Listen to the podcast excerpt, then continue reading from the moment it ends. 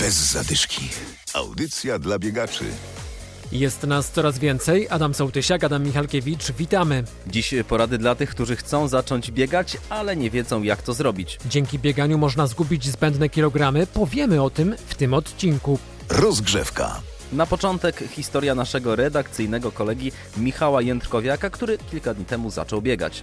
Pierwszy mój bieg to był jakiś kilometr 900. Chyba nawet byłem z siebie zadowolony, bo udało mi się dobiec bez jakiejś straszliwej y, zadyszki. Następnego dnia stwierdziłem, że spróbuję pobiec trochę dalej. To już było mniej więcej 2,5 kilometra, więc y, no, zadyszka już się pojawiła i, i, i, zacząłem czuć, że, że mam nogi. Trochę, trochę bolały. Do dzisiaj trochę bolą, y, ale za radą kolegi postanowiłem sobie zrobić dzień czy dwa przerwy i, i do tego biegania wrócę. Zdecydowałem się na nie, dlatego że trochę mi już zaczęło doskwierać raz, że brzuszek, dwa, że przejście nawet jakiegoś takiego dłuższego y, kawałka powodowało, że, że zaczynałem sapać, więc uznałem, że osoba w moim wieku, nie mam jeszcze 30 lat, powinna jednak tę formę mieć troszkę lepszą.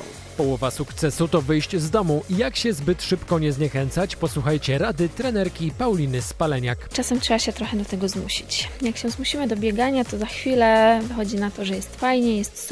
Warto biec w takim miejscu, które jest przyjemne dla oka, które sprawia nam radość. Do biegania powinni powinniśmy do jakiegokolwiek treningu podchodzić z taką, moim zdaniem, z taką radością, zwłaszcza dla osób początkujących. Dobrze się umówić z kimś na przykład, bo to też chyba mobilizuje. To wszystko zależy, to jest indywidualne jakby podejście, zależy od osoby. Jedni lubią robić trening w parach, inni wolą robić trening indywidualnie. Osobiście biegać lubię sama, bo lubię mieć muzykę i nie lubię rozmawiać podczas biegania, mnie to strasznie męczy. Na początek dobre są marszobiegi. Czyli bieg przeplatany marszem albo marsz przeplatany biegiem. Mówi o tym biegacz Grzegorz Urbańczyk. Dla osób, które zupełnie chcą ruszyć z kanapy, powiedzmy mają czy nadwagę, czy nie mają takich predyspozycji, że od razu mogą pokonać, nie wiem, kilometr biegiem, to jak najbardziej e, marszobieg, e, minuta na przykład marszu, minuta biegu, e, czy różne kombinacje, jakie można zaproponować takim osobom, to jak najbardziej by były wskazane i to jest jak najbardziej dobry początek do tego, żeby zacząć przygodę z bieganiem, nawet jeżeli tego marszu będzie więcej, ale z każdym dniem może nie, ale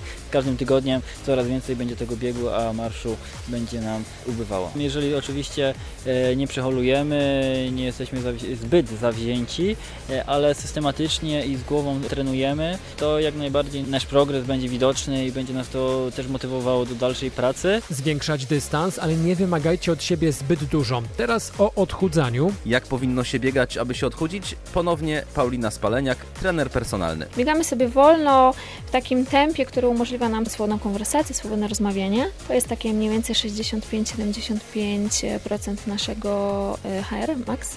Nie powinniśmy biegać na czczo. Powinniśmy mieć energię do tego, żeby biegać. Energia powinna być czerpana z węglowodanów. Jeżeli nie lubimy biegać na pełny żołądek, zjedzmy tego banana, zjedzmy kanapkę z dżemem, zjedzmy coś, węglowodanowego, co nam da po prostu energię do biegania.